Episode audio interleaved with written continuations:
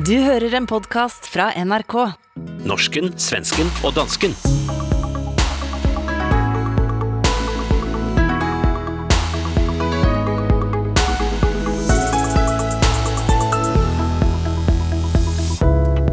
Kristenpolitikere som sniker sig under skatt om at gå av, eller anklages for injurier. Voldsbande som rykker ind i fristaden Christiania, kunstnere som anmeldes for dokumentfalsk, popkjendiser som stiller til valg. Hvad skedde med den trygge, grå skandinaviske høsten? Velkommen til Norsken, Svensken og Dansken, som lover på tro og ære at være sandfærdige, tilgivende, selvkritiske og krype til korset, når det trængs. Hassan, har du en bekendelse at komme med? Har du løjet til os, eller på anden måde ført os bak lyset? Ja, det kan jeg garantere, at jeg har, men jeg vidste ikke, at jeg skulle forberede det her, så jeg kan ikke, øh, jeg kan ikke komme med et konkret eksempel. Vi kan finde ud i løbet av øh, tiden. Jeg trængte dette, skjønner du. Fordi forrige uke så snakker vi om oljefondet. Jeg tilskrev starten til Arbeiderpartiet, sant nok. Det var statsminister Jens Stoltenberg og finansminister Sigbjørn Jonsen, som satte ind de første pengene. Men æres den som æres bør. Det var den højre leder Syse-regeringen og finansminister Arne Skauge, som kom med forslaget, da Stortinget vedtog at oprette oljefondet i 1990. Så nu har jeg i alle fall kommet med min bekendelse her. Men eh, hvad med dig, Åsa? Jag kan bekänna att jag ofta suckar över vissa ämnen i Sverige men som jag egentligen själv tycker är ganska roliga eller morsom att hålla på med. Just nu så har det exploderat i Sverige en diskussion om n-ordet igen och så suckar jag, åh nu igen, typiskt Sverige. Men jag tycker ändå att det är ganska kul att prata om det här. Det är den gamla författaren Bengt Anderberg, död sedan länge, som skulle få nytryck av en bok som heter Amorina med förord av Agneta Pleijel. Och så blir det inte så därför att n-ordet finns i den här boken. Jag tillhör ju inte de som tycker att man ska eh, nödvändigtvis säga det ordet stup i minut. Men det är ju som Agneta Pleijel säger, det är omöjligt, eller man ska inte censurera litteraturhistorien helt enkelt. Men eh, ja, det var väl min bekännelse då. Ja, Hassan? ja altså, jeg har gået øh, hos min læge til nogle tests øh, i forbindelse med mit helbred, som jeg synes er lidt påvirket for tiden.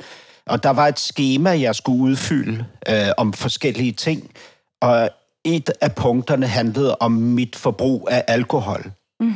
Øh, og der skrev jeg, at jeg drikker øh, en genstand per dag, lige med syv genstande om ugen. Vad är en genstand för någonting? Et glas eller en enhet? En enhet, jag förstår. Et glas, en, en øl, et glas vin, mm. Mm. en whisky, og det passer ikke. Altså, jeg drikker mere end en genstand per dag. Jeg drikker i hvert fald det dobbelte øh, som minimum. Altså to genstande per dag. Øh, og, og før i tiden, da jeg kunne gå ud på at drikke med mine venner, så blev det jo til meget mere, det er klart, fordi der kunne jeg på en aften måske drikke syv store fadøl. Så jeg har, jeg har jo løjet om mit helbred i en sammenhæng, hvor man ikke bør lyve. Men det är en klassiker Hassan. De flesta ljuger ju om att de dricker mindre än de gör i sådana där undersökningar. Det vet läkarna, så de plussar på 30 procent i. Nå, gør de det? Okay, det, det er jeg glad for. Ja. Jag tror det. Og i- uansett så kan nå lægen din høre på os. Ja, precis. Nå, det har du selvfølgelig ret. Det var måske ikke så godt. Da du også spurgte om den norske sperregrænsen forrige sending, husker du det? Ja, vad, vad svårt det var att förstå det där. Ja. Ja. Spärrgränserna till, eh, till riksdag och stortinget. Ja, altså jeg sukket højt inde i mig og prøvede, som du sikkert hørte, at komme fort videre. Eh, og da Hassan påstod, at det ikke er sperregrænse i Danmark, da protesterte vi to højt og tydeligt. Og jeg tænkte at her i norsken, svensken og danskens ånd, så må det altså drives folkeoplysning på tværs. Jeg fik den bedste forklaringen fra Dag Einar Thorsen, universitetslektor Universitetet i Sørøst-Norge. Følg med nu her, Hassan. Alle tre land, Norge, Sverige og Danmark, har utjævningsmandater. I Danmark så heter det tillægsmandater. Det er 19 i Norge, 39 i Sverige og 40 i Danmark. Forskellen i tildeling av disse tillægsmandatene eller utjævningsmandatene, det er sperregrensen, som allerede nævnt, og hvordan utjævningsmandatene fordeles på valgdistriktene. Men Systemene er egentlig nært beslægtet, og det er mer nuanceforskjeller på de tre lands valgsystemer, og ups, jeg kommer ikke til at gå igennem fordeling av såkaldte utjævningsmandater her. Det må bli en senere gang. Men kort. Norge og Danmark har ingen spærregrænser for distriktsmandatene, som heter kretsmandater på dansk og fasta mandat på svensk, kun for utjævningsmandater, det som på dansk heter tillægsmandater. Sverige har spærregrænser som gælder både for faste mandat og utjævningsmandat, med en sikkerhedsventil for partier som er stærke i ett eller nogen få distrikt på 12 procent.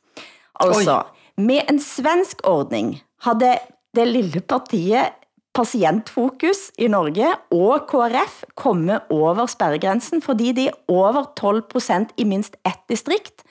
Men det er ikke Miljøpartiet De Grønne.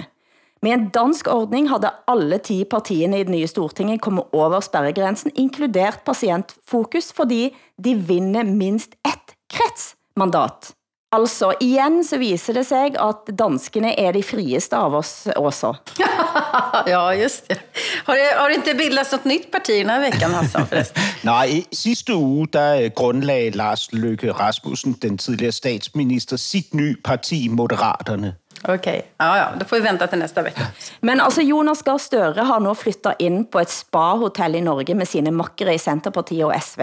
Og mens vi venter på at den hvite røyken skal stige op fra pipen og saunaen, så er danske partier på ytterfløjene kommet i dyb krise, Hassan forklar. Jeg ved ikke, om man kan kalde det yderfløjspartier. Øh, det kan man måske i, i virkeligheden i, i den centrale kulturdebat i Danmark, som jo går mange hundrede år tilbage i virkeligheden, men som op igennem nullerne manifesterede sig i de to partier, Dansk Folkeparti og det radikale Venstre. Altså øh, Dansk Folkeparti, som ligesom stod for øh, en meget restriktiv udlænding- og flytningepolitik, en, en større omsorg og kærlighed for det landlige, altså alt det uden for storbyerne, en tilbagevenden til det historiske og, na- øh, og nationalistiske osv., og, og så det radikale venstre på den anden side, som jo i den grad er et storbyparti, som ligesom er det politiske fundament for kulturradikalismen, altså øh, øh Museet for Moderne Kunst, Louisiana, øh, øh, alle de store møbeldesigner og alt sådan noget, tilhører ligesom den kulturradikale bølge, og så hele det meget sådan Øh, centrum-venstre øh, orienteret elitære litterære øh, selskab, for eksempel i Storbyen. Ikke? Øh, og det var, jo, det var jo markante partier i nullerne, mm. og de står nu i dag i hver sin massiv krise, ikke? Øh, og har holdt landsmøde her i sidste uge. Det er beskrevet rigtig, rigtig godt i weekendavisen, øh,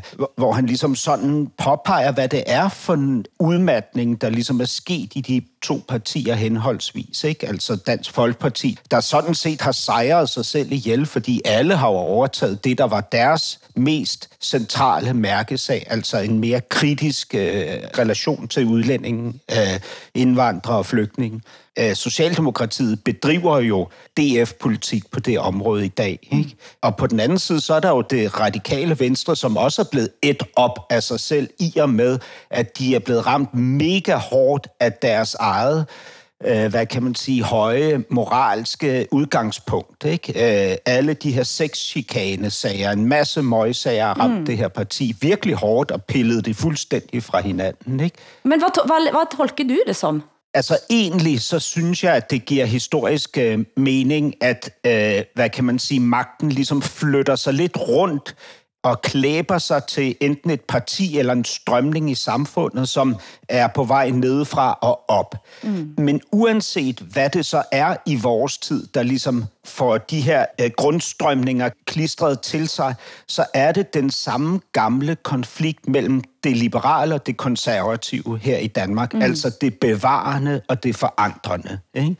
Øh, og jeg synes, det er mega interessant. Altså, jeg har jo mm jeg har skrevet et øh, teaterstykke om digterpræsten Kai Munk, ikke, som i den grad var eksponent for det ene. Nu, fredag, har jeg premiere på øh, et teaterstykke, øh, eller en dramatisering af, af romanen Fiskerne af Hans Kirk.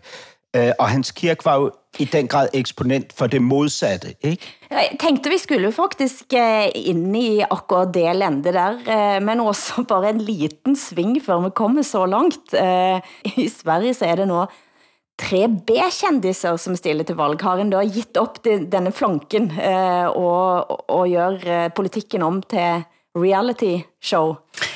Ja, kanske. Alltså det är fler och fler eh, kändisar i Sverige som kandiderar till riksdagen. Vi har ju val om ett år. Det är Alexander Bard och Dominika Persinski. Du må fortælle hvor de kommer fra. Från Army of Lovers. Och bägge två är det samma parti? ja, ja, ja, ja. Nej, det är olika partier.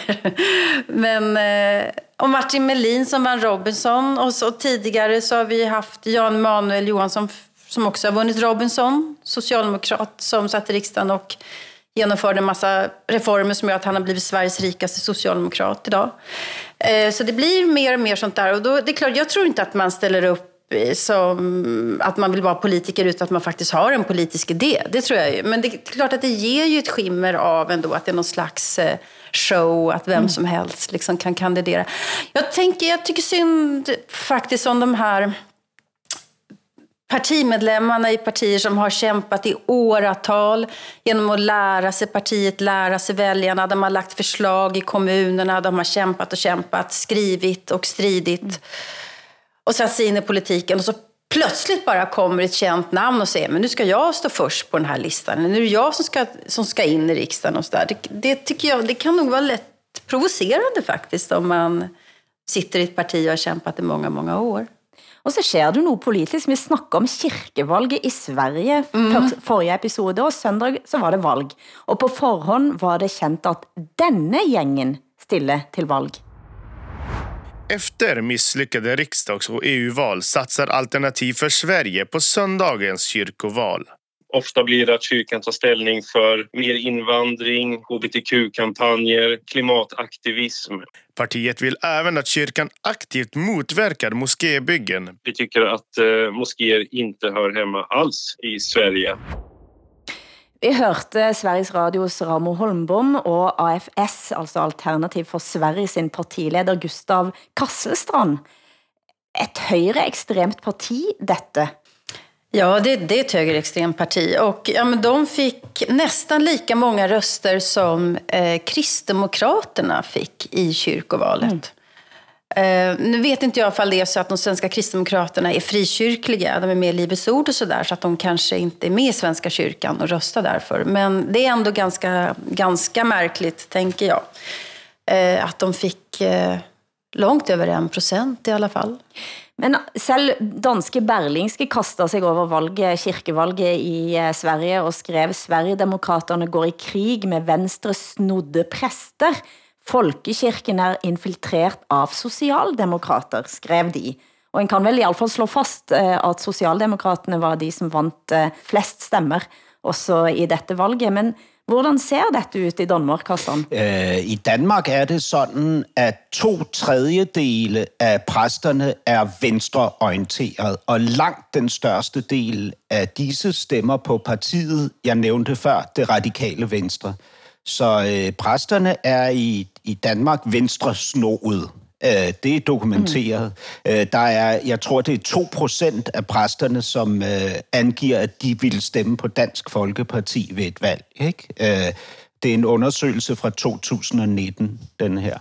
Mm. Så i Danmark kan man sige, at der, der er jo et tilsvarende problem, om man vil, fordi kirken ligesom ikke er politisk repræsentativ, hvis man synes, den skal være det.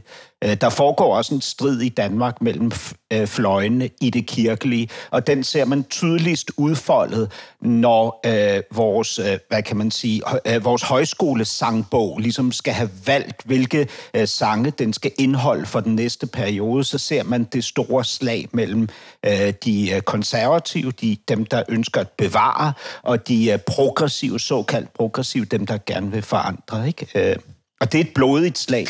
Jag tycker att det är rätt trist, eller lite provocerande så jag skulle säga, att, att Svenska kyrkan har blivit ett slagfält för de politiska frågor som finns på riksnivå. Siger kanskje noget om eh, netop denne udfordringen med, at man har eh, haft en statskirke, har ikke længere en statskirke, mm. og likevel så opfattes det statskirkelig. Mm. Eh, men dere har jo haft vigtige kulturbærere på højre siden i den danske folkekirken, Hassan, og særligt kendt er bevægelsen Tideverv, der folk som Dansk Folkepartis Søren Krarup har været en vigtig skikkelse. For norske og svenske lyttere, hvad er Tideværv? Uh, eh, Tideverv er egentlig et magasin, som opstod uh, som et, et protestskrift uh, mod Indre Mission. Og det er ret interessant, fordi Indre Mission er jo det, som vi uh, traditionelt set opfatter som den sorte kirke. Og tideværv var dermed uh, det, hvad kan man sige, frigørende. Det, uh, Altså det, der ligesom skulle være øh, mere moderne og så videre. Og i begyndelsen, der indeholdt øh, tideværv flere forskellige retninger. Både en meget venstreorienteret retning, som egentlig var måske repræsenteret ved, øh, ved præsten øh, Margrethe Augen, som også er folketings, eller har været folketingsmedlem for, for Socialistisk Folkeparti, og nu vist nok mm. stadig er medlem af Europaparlamentet. Og så en højrefløj, som du nævnte for et øjeblik siden, især er repræsenteret ved uh, Søren Krarup, som jo endte med at få den fulde magt i, i tideværv, altså magasinet og den tilhørende bevægelse, uh, da han blev uh, redaktør på magasinet. Ikke? Ja, og dette er jo noget, du er midt inde i om dagen, og det var jo så vidt du havde tid til at spille ind dette programmet, fordi du faktisk har en premiere, som du allerede har nævnt så vidt. Ja. Fiskerne. Ja. Hans Kirks berømte roman. Ja, ja, det er jo vores, øh, hvad kan man sige, nationale kollektiv roman. Øh, den er læst af 375.000 mennesker i Danmark, ikke? eller solgt i 375.000 eksemplarer. Så det er, jo, øh, det er jo en kæmpe opgave at skulle dramatisere det her. Her er, det, her er Indre Missionen ja. og Grundtvigianerne som møtes. Ja, romanen skildrer øh, en gruppe fiskere, som kommer fra den barske øh, udmagrede øh, vestkyst. De er fattige og meget religiøse, indremissionske, og flytter ind i den frodige Limfjord, hvor grundvigianerne indtil nu har haft den fulde magt og levet et liv i øh, medgang.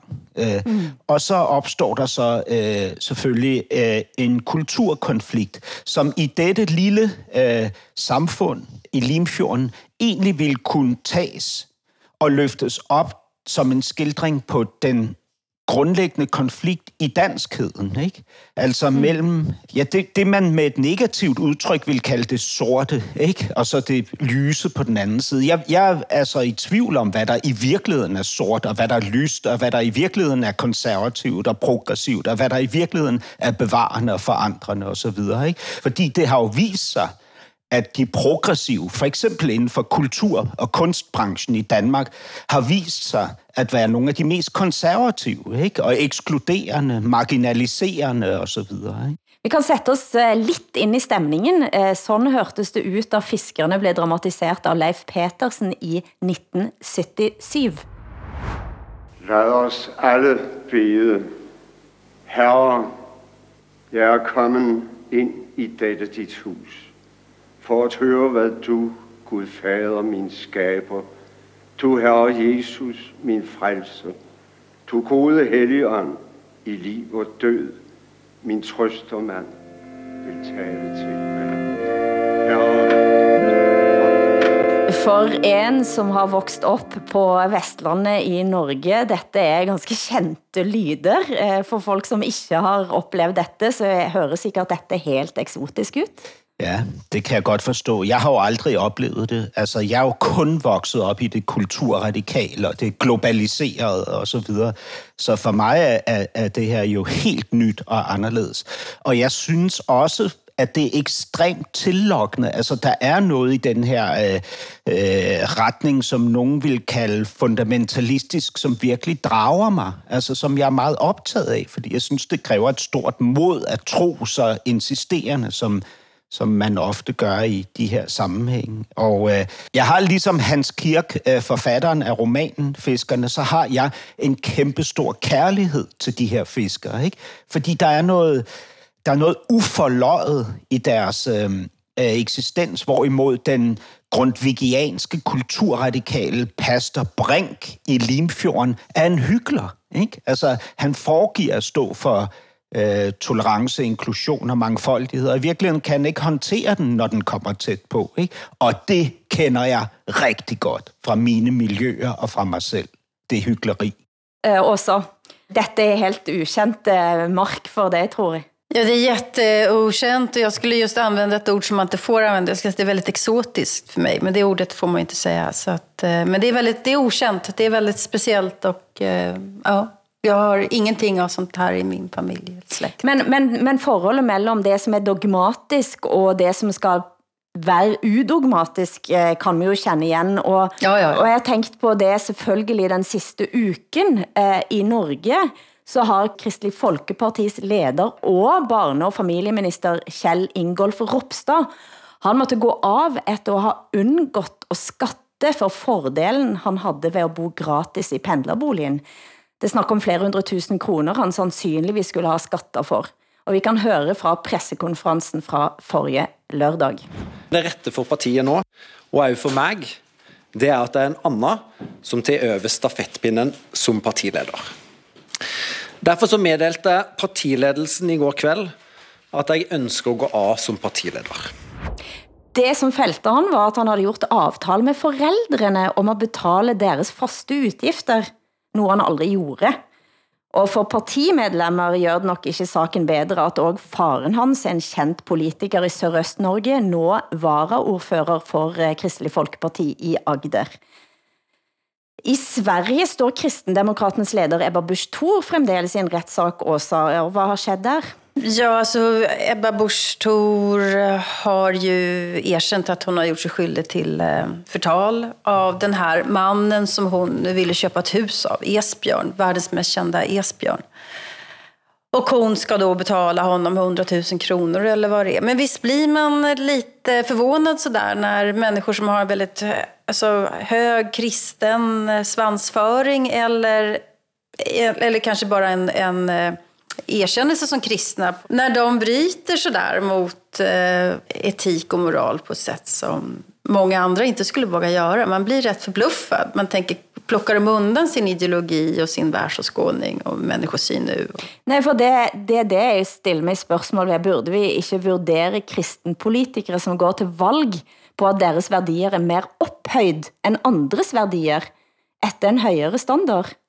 Jo, men det är som om en socialdemokrat eller en vänsterpolitiker skulle eh, ertappas med att ha fifflat med skatten till exempel, på samma sätt som den här kristdemokraten i, i Norge nu. Så skulle det bli väldigt, alltså ett ramaskri, det skulle bli stark indignation därför att om man är socialdemokrat eller vänster så ska man inte, då ska man hedra skatten så att säga.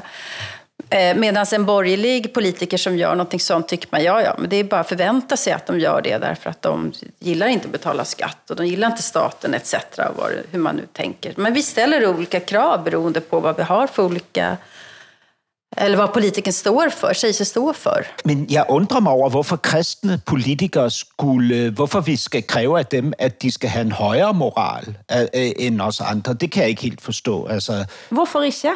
Man går til valg på, at man har bedre moral. Jamen altså, hvad, med, hvad hvis du har en, øh, en socialistisk øh, socialminister, som i øvrigt er minister for ligestilling, og denne her minister øh, kører rundt i en stor ministerbil, som han bruger i sit privatliv til at samle unge piger op og, og, og køre på i et øh, kurbad i Skodsborg, eller t- han bruger sin magt til at komme udenom køen på nogle af de mest prominente diskoteker i København, hvor han så står og har fri bar og, og fri adgang til unge kvinder. Ikke? Men det är väl ingen som tycker att det är okej? Men det er jo standard. Nej, det är inte standard. Jo, det er bestemt standard. Det är inte standard. Jo, jo. Ja, det kanske är det i Danmark, men det är inte det i Sverige. Och i, i Sverige åker man ju dit om man håller på på det här viset. Altså, der er jo ikke noget ulovligt i at øh, gå udenom køen på et diskotek eller bruge sin ministerbil til private ærner, tror jeg. Jeg ved ikke det med ministerbil, ja. men, men der er jo ikke noget Ja, ulovligt. nej, men I Sverige granskar vi det där väldigt mycket. Och Aftonbladet eh, jag, jag har ju satt det i system att granska politiker. Men Ja,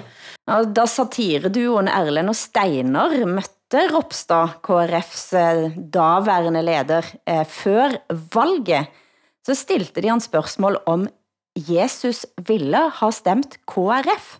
Og her er svaret han gav Erlend Mørk, hentet fra TikTok.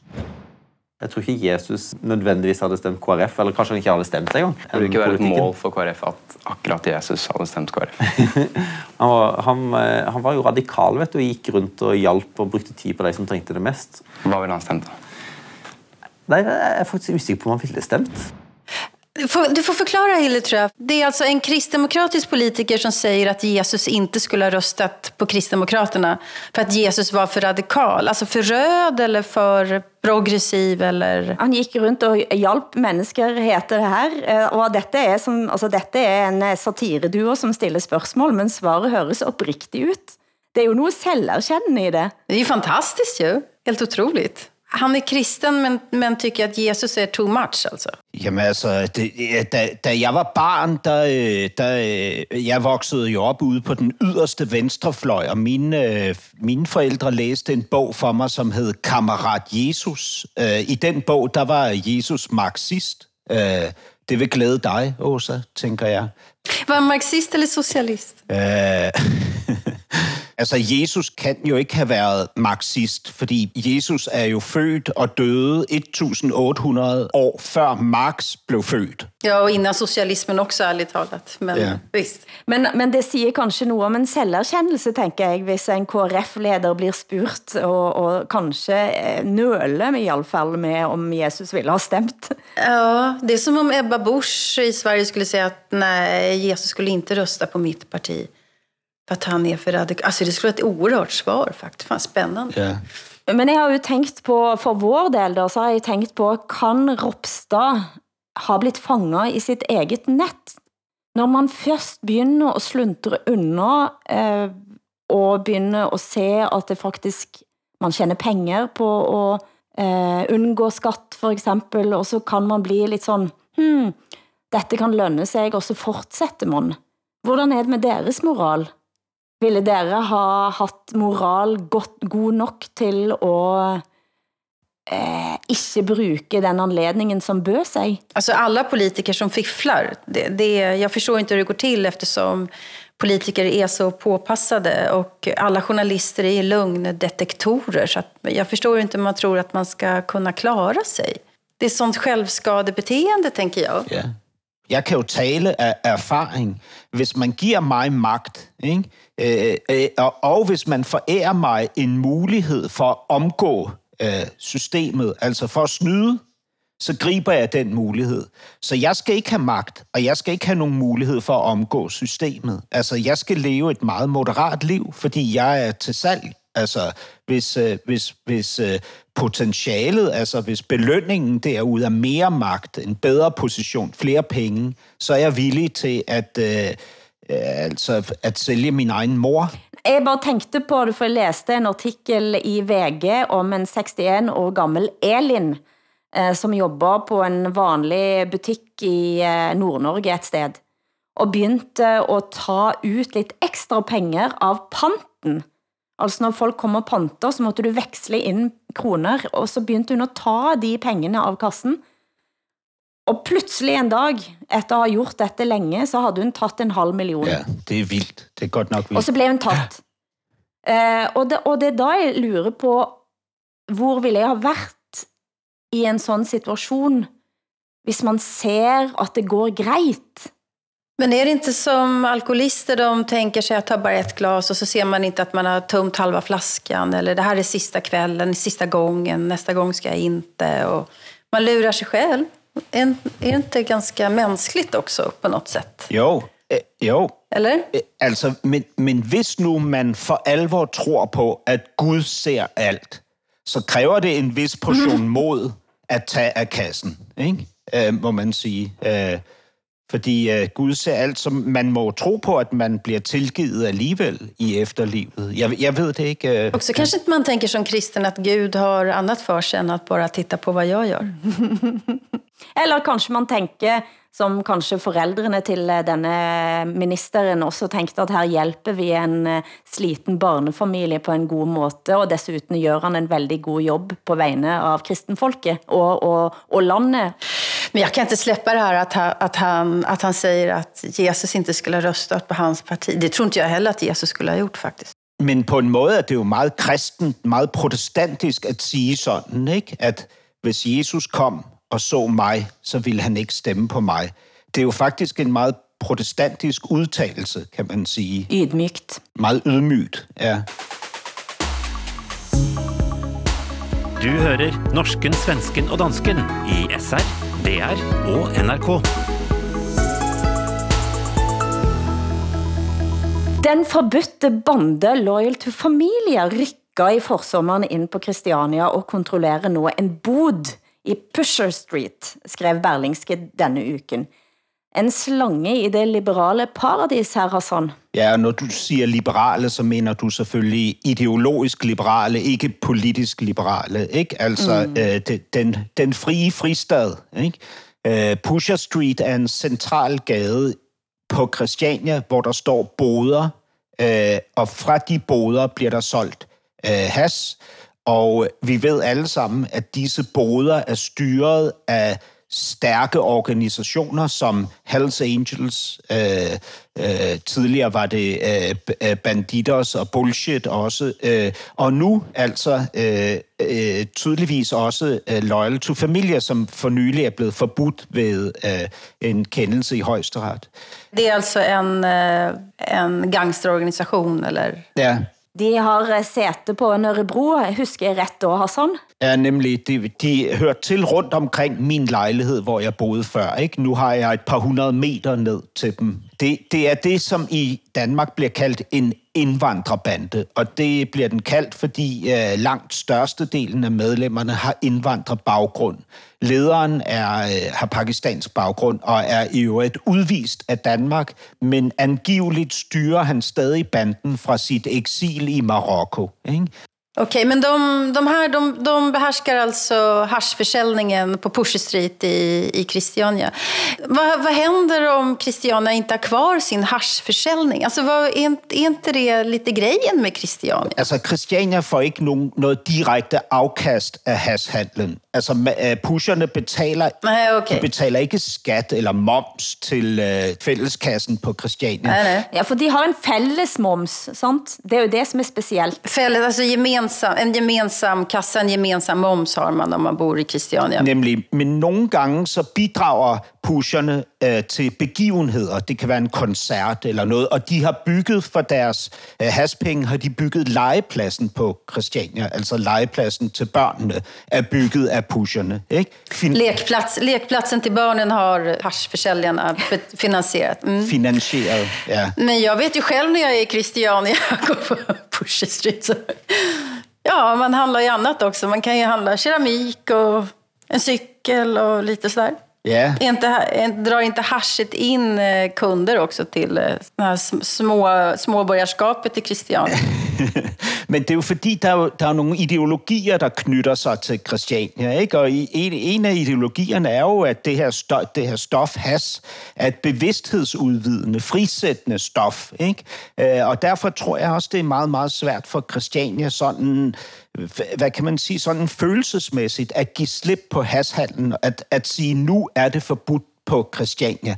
Christianitterne ønsker, at hassen skal legaliseres i hele Danmark, fordi på den måde vil man fjerne den fra Pusher Street. Mm. Ikke? Mm. Men det kommer ikke til at ske lige nu, ikke? så det bliver også en sovepude. Og hver gang der er et, et stormøde på Christiania, hvor de har det her oppe til øh, debat, hvilket de havde i sommer, fordi en ung christianit blev skudt af pusherne, ikke? Mm. Så, øh, så ender det med, at man ikke får truffet den beslutning om, at Pusher Street skal lukkes. Og spørgsmålet er også, om Christiania overhovedet vil have magten til det. Men jag tycker det är, det är spännande med Christiania. Jag, vad jag har förstått så att de senaste åren så har det kommit en gentrifieringsprocess i Christiania. Så att när Köpenhamn eh, säger att ja, men eh, de här ockupanterna kan faktiskt få friköpa den här marken efter 40 år eller vad det är så får man ju plötsligt den här privategendomen, liksom girigheten i sig. Och då, det finns ju hus som ligger där nere vid vattnet, det är fantastiskt. Ja, det är helt fantastiskt. Ja. Det är helt otroligt. Det är klart, vem vill inte bo där? Eh, och då vill be bättre bemedlade människor behålla sina... Det bor ju professorer också i Christiania. Det är ju inte bara trashankar. Och det är klart att man vill ha det fint Ja. och flott och smuck och då vill man inte ha haschet kvar. För att, eh, nu har man liksom uppnått det man vill. Jo, altså det er jo en fond, som ejer Christiania. Mm. De enkelte beboere kan ikke købe deres jord eller deres hus. Nej, men det, visst är det en diskussion om att man ska få friköpa sitt hus nu. Det, det kan være, øh, så skal de ændre strukturen og hele lovgivningen omkring Christiania. Men det, der er bemærkelsesværdigt ved Christiania, det er, at mens øh, befolknings øh, gennemsnitsalder i København er faldet fra 42 til 36 år, altså fra 42 år til 36 år, øh, hen over de sidste to årtier, så er den på Christiania steget fra 29 til 42 år. Så att det, de som bor i Christiania är äldre än genomsnittet i Köpenhamn. Är det det du säger? De er betydeligt ældre end gennemsnittet i København. Og i 1990, altså i 1990, der var andelen af beboere over 60 år, altså over 60 år, var fire, fire personer. Mm-hmm. I 2021, altså i 20, 2021, der er det steget til 202 personer. Mhm. Så man kan sige, at befolkningen på Christiania bliver ældre. Øh, Den er langt ældre end, end den omkringliggende hovedstad. Og jeg vil også sige, det er min personlige holdning, at Christiania er et meget eksklusivt og lukket øh, samfund. Absolut. Det er meget, meget svært at komme ind på Christiania. Ikke? Men der er det to ting. Enten at man blir ældre, fordi at det er de, som klarte at skaffe sig de privilegierne at bo i Christiania på et tidligt tidspunkt. Det begynder at blive længe siden. Eller så blir man ældre, fordi at hash er sundt. Eller också blir man äldre där därför att man inte kan flytta någon annanstans. Helt enkelt för att man är en trasank och inte har några pengar. Det kan også være. Ganska stor arbetslöshet bland de som bor i Christiania, tror, tror jag i alla fall. Men Åsa, har du bidratt økonomisk til legepladsen, lekepladsen i, eh, i Christiania, tror du? Nu är det den här samvetsfrågan som, ja, det har jag gjort. Jag har med mina besök i Christiania bidragit till lekplatsen där. Jag visste nog. Svar ja. Det har jeg også gjort, øh, helt bestemt. Men Hilde, du har aldrig varit där förstås. Jeg har været der, jeg har aldrig bidratt, og det er på like tro og ære. Øh, Men, men Hilde, har du røget has? Nej, Aldrig? aldrig. Ikke en eneste gang? Ikke en eneste gang.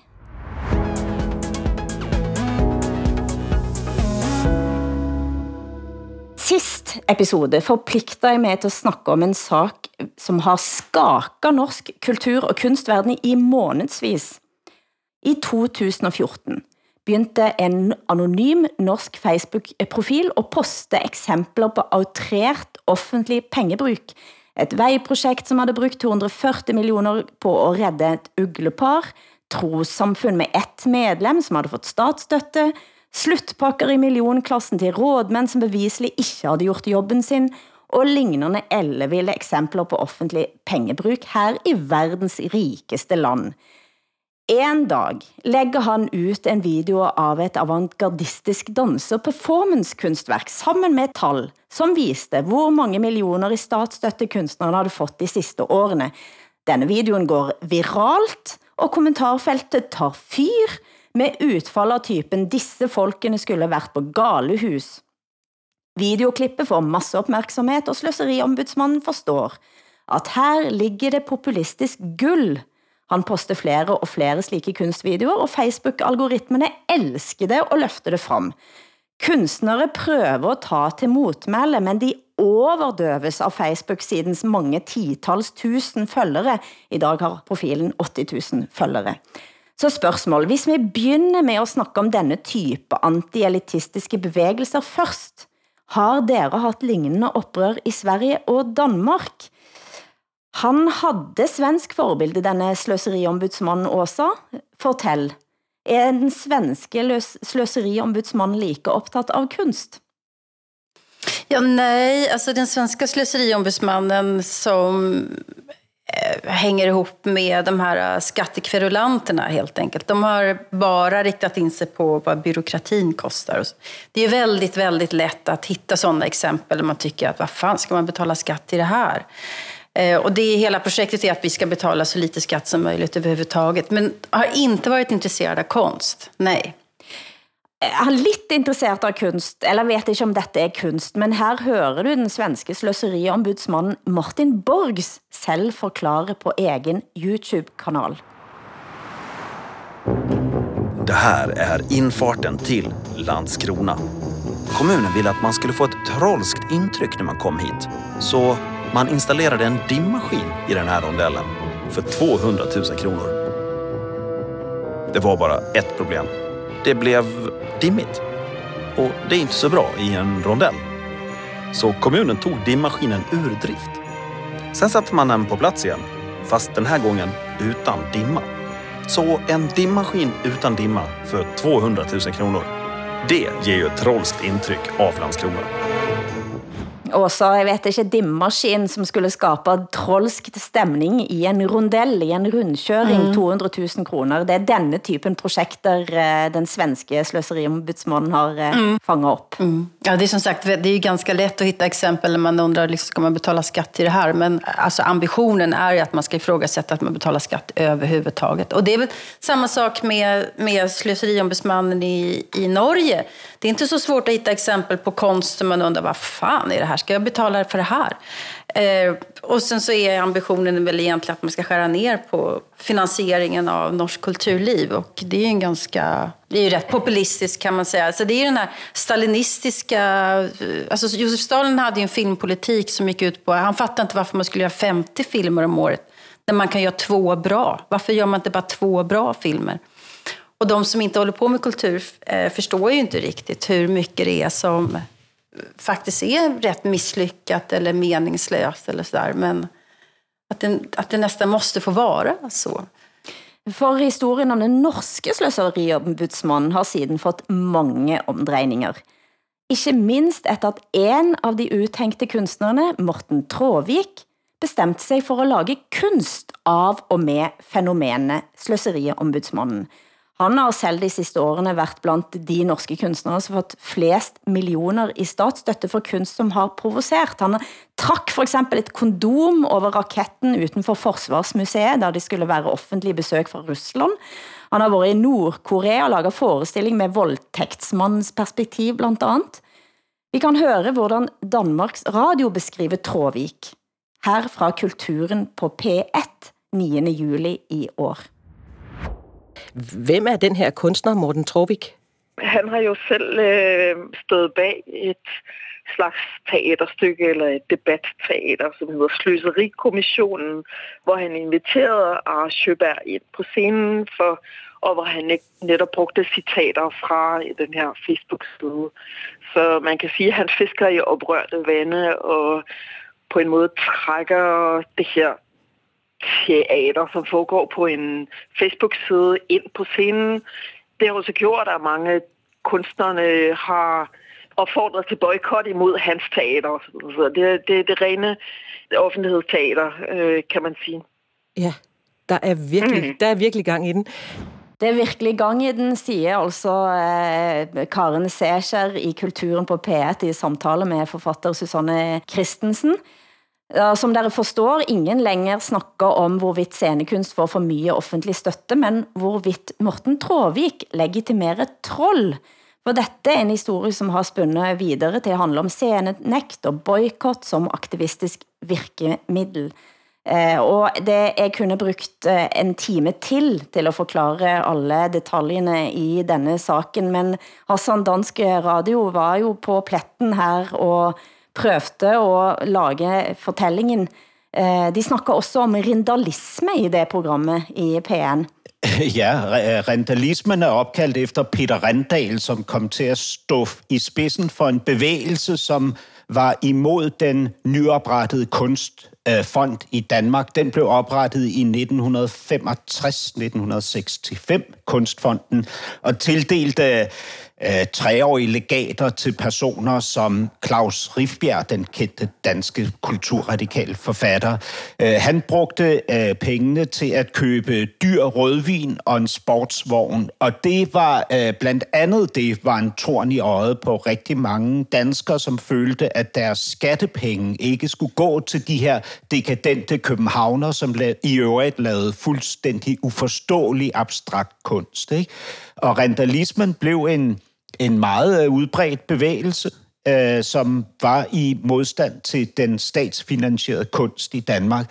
Og rentalismen har trukket mange tråde ind i nutiden i Danmark. Jeg synes, det er mega spændende med den her sløseriombudsmand, både i Sverige og især i Norge i forhold til kulturområdet. Jeg har meget længe efterlyst, at vi i Danmark havde en mere kritisk, mediemæssig øh, tilgang til kulturområdet. Ikke? At vi turer analysere og, og afdække, hvad det egentlig er, der foregår i de her lukkede, meget lukkede, meget eksklusive små bobler, som kulturlivet er. Så jeg elsker det der. Jeg kan ikke så godt lide, når det er marginaliserede kunstnere, som bliver trukket frem og ydmyget i offentligheden. Men, en, men sådan en type kulturkritik, det synes jeg er fantastisk. Altså. Men jag håller ju med, alltså i princip så håller jag med. Jag tycker också att det finns oss väldigt många eh, kulturarbetare, konstnärer och så vidare. Så de vägrar liksom diskutera sin konst, förklara den, eh, vad, vad de vill, vad de menar och varför det här är viktigt och varför skattebetalarna ska stå för det här. Det, det är som att de tycker att alla andra är idioter som inte förstår vad de gör. Så det tycker jag, det är, alltså, det, det är viktigt att, att man kan liksom förklara vad man sysslar med. Jag, men jag håller, jag håller med dig Hassan, det blir obehagligt när man ger sig på marginaliserade enskilda konstnärer. Det är väldigt, väldigt obehagligt. Eh, och jag tycker också att man är, gör sig dum om man inte förstår att väldigt mycket av kulturlivet, precis som forskningen och överallt, mycket är misslyckat, mycket är meningslöst, mycket måste kastas bort. Eh, och alla förstår inte allting, men, men, men så här är det. Men, men faktum är att de som har försvarat slöseriombudsmannen de har ju också nästan dött döden själva som, som yrkesarbetare. Det har ju varit svårt att försvara slöseriombudsmannen i Norge. Eller hur, Hilda? Är det inte så? Jo, och det, är, är, eh, det har många lag, denna saken. Eh, en bredingsoppnämnt ytringsfrihetskommission Eh, gik halvvejs i opløsning efter at have inviteret sløseriombudsmannen til indspilsmøte. Dette fik et av medlemmerne i kommissionen til trække sig, og en række kunstnerorganisationer skrev under på et opråb, som var kritisk til Ytringsfrihetskommissionen. Men efter en debatt gennem sommeren og flere krumspring, har flere organisationer og forbund trukket sig fra dette opropet. Eh, men hovedindvendingen mot sløseriombudsmannens aktivitet har været, at det har ført til lovstridige trusler og hets mot navngitte norske kunstnere. Ja. Særlig en scenekunstners historie har været brugt som eksempel på, at det er tilfælde, og flere nyhedsmedier har citeret fra en meklingsrapport fra Konfliktrådet i Oslo, hvor det skal blitt indgået en form for som er mellem kunstnere og nogen i, de, i disse, som er følgere til sløseriombudsmannen.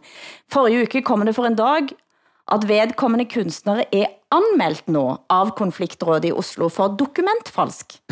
ja. Og Konfliktrådet skriver i sin pressemelding, saken er fremstilt som etterforsket av politiet og deretter meklet i Konfliktrådet Oslo.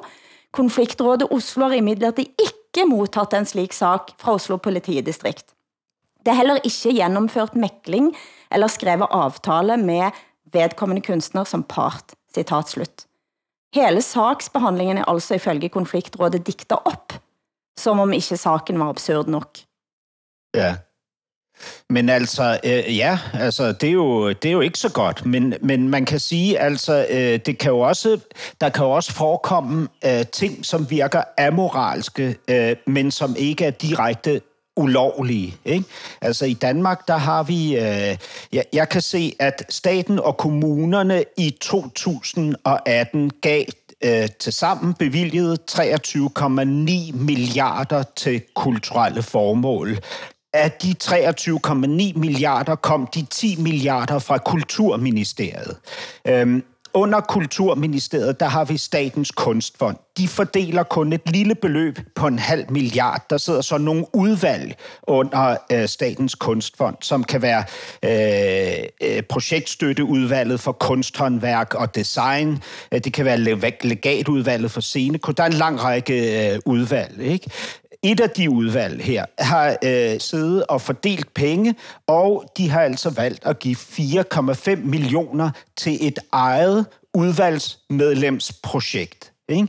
Og det er jo sådan noget, der får en til at tænke, hvad er det for noget, det her? Ikke? Fordi kan man virkelig sidde en lille bitte gruppe mennesker sammen i et lokale øh, og fordele de her penge? Jeg går ud fra, at den person har erklæret sig øh, inhabil og har forladt lokalet i det øjeblik, pengene er blevet fordelt, men det virker jo helt vanvittigt under alle omstændigheder. Ikke? Og, og sådan nogle ting, det får mig til at tænke, at de her bobler, de skal briste. Ikke? Og dette var en sak, som blev omtalt på i scene. Jo, det er rigtigt. I scene er vores, øh, er, er hvad kan man sige, scenekunstbranchens øh, eget magasin. Ikke? Men det Morten Tråvik blandt andet har fått frem gjennom denne saken, er jo netop at det var flere bobler som brister, og det var altså et rådsmedlem av scenekunstutvalget som presumptivt skal ha eh, forfalsket dokumenter fra konfliktrådet. Ja. Man liker det surrealistiske i kunsten, men kanskje ikke at kunstnerne blir surrealistiske på denne måten.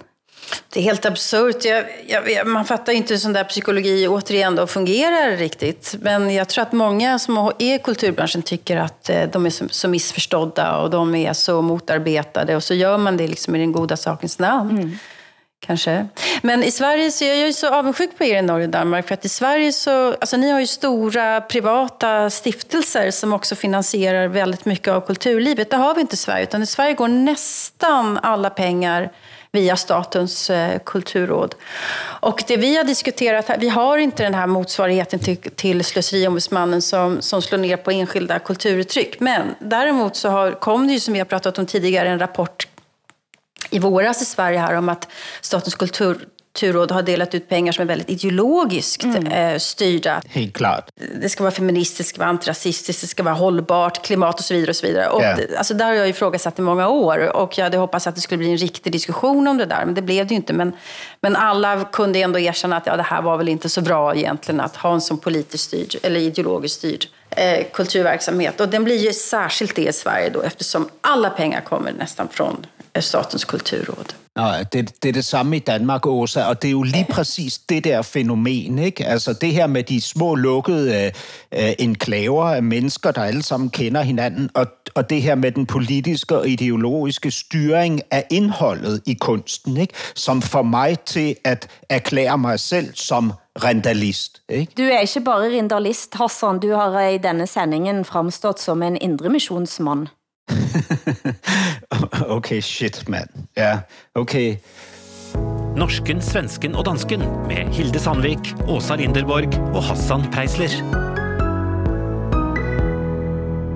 Nu har vi snackat en timme snart här, men eh, har det inte hänt någonting med Mette Fredriksen? I, oh, Åsa, hold your horses. ja, men det går jo heller ikke, det er klart. Det kan, sådan kan det ikke være. Altså, der, og der har jo været landsmøde i Socialdemokratiet, ligesom vi tidligere nævnte, der havde været i både det radikale Venstre og Dansk Folkeparti. Og til dette landsmøde, der holdt uh, Mette Frederiksen naturligvis en tale. Og i den tale, der talte hun om landområderne, hun talte om de ældre, og hun talt om arbejderne. Og det var der jo ikke noget uforudsigeligt i, det havde vi jo forventet. Men så kom det store chok. For pludselig talte Mette Frederiksen positivt om København. Brukar hon inte göra det? Jeg, jeg gik helt i stå. Jeg, jeg, altså, jeg, jeg, jeg troede, jeg hørte forkert. Er det sandt? Brukar hun bashe København? Ja, hun plejer at bashe København. Ikke? Men hun snakkede om kulturen, arkitekturen, den afslappede atmosfære, cykelstierne. Og, altså, det, det virkede som om, at, øh, at hun havde fået en forkert tale i sine hænder. Så jeg gik jo i gang med at prøve at finde ud af, hvor dette her kunne stamme fra. Og så fandt jeg ud af, at den ikoniske ældre øh, øh, matriark i Socialdemokratiet, Rit Bjerregaard, har kritiseret Mette Frederiksen for ikke at tale København mere op. Og lige om lidt er der jo kommunalvalg i Danmark, mm-hmm. hvor en socialdemokrat stiller op til i posten som Københavns overborgmester. Ni har borgmästare i København. Ni det? Vi har mange borgmestre Jaså. og en, en overborgmester. Mhm. Ja. Det går selvfølgelig ikke, fordi Rit Bjergård har tidligere selv øh, været øh, hvad hedder det, inde omkring overborgmesterposten i København og så videre. Øh, Så jeg, jeg forstår jo så, at Rit Bjergård har taget sin telefon og ringet til Mette Frederiksen, så hun sagt, kære Mette, det er godt, at det går dig godt, og jeg støtter dig. Men du skal tale positivt om København. Og så har Mette Frederiksen sagt, men, men hvad skal jeg sige, hvad skal jeg sige? Og så har Rit Bjergård sagt, sig noget om, at København er en fantastisk by. Havnen, man kan bade i, kulturen, arkitekturen, den afslappede atmosfære. Christiania. Man kan köpa hash. Og så sagde Mette Frederiksen, øjeblik, øjeblik, jeg skal lige skrive det ned. og så stillede hun sig op og brugte et par minutter til landsmøde på at illustrere sin kærlighed til storbyen. Og 1, 2, 3, så havde hun tilfredsstillet den store eminence i det socialdemokratiske bagland. Dette er en så fin historie, at jeg næsten håber, den er sand. Ja, altså, jeg, jeg har jo ikke, jeg har jo ikke røntgensyn eller, eller en spåkugle, så jeg ved det ikke.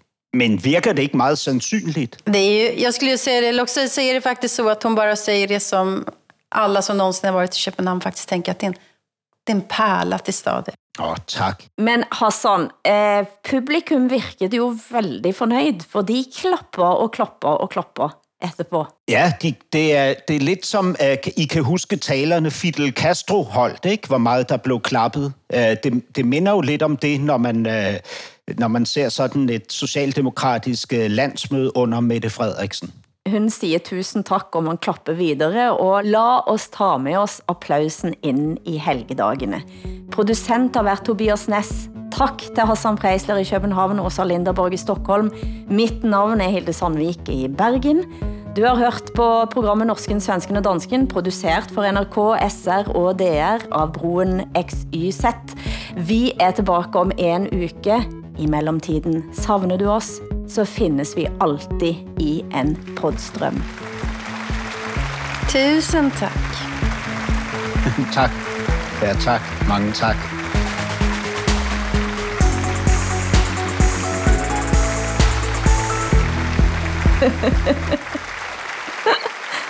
Tack, Tak tack, for tack, det. tack, tack, Tak. tack. Tusen tack. Ja, Tusen mange tack. tak. Tak. Tusind tak. Du har hørt en podcast fra NRK. De nyeste episodene og alle radiokanalene hører du i appen NRK Radio.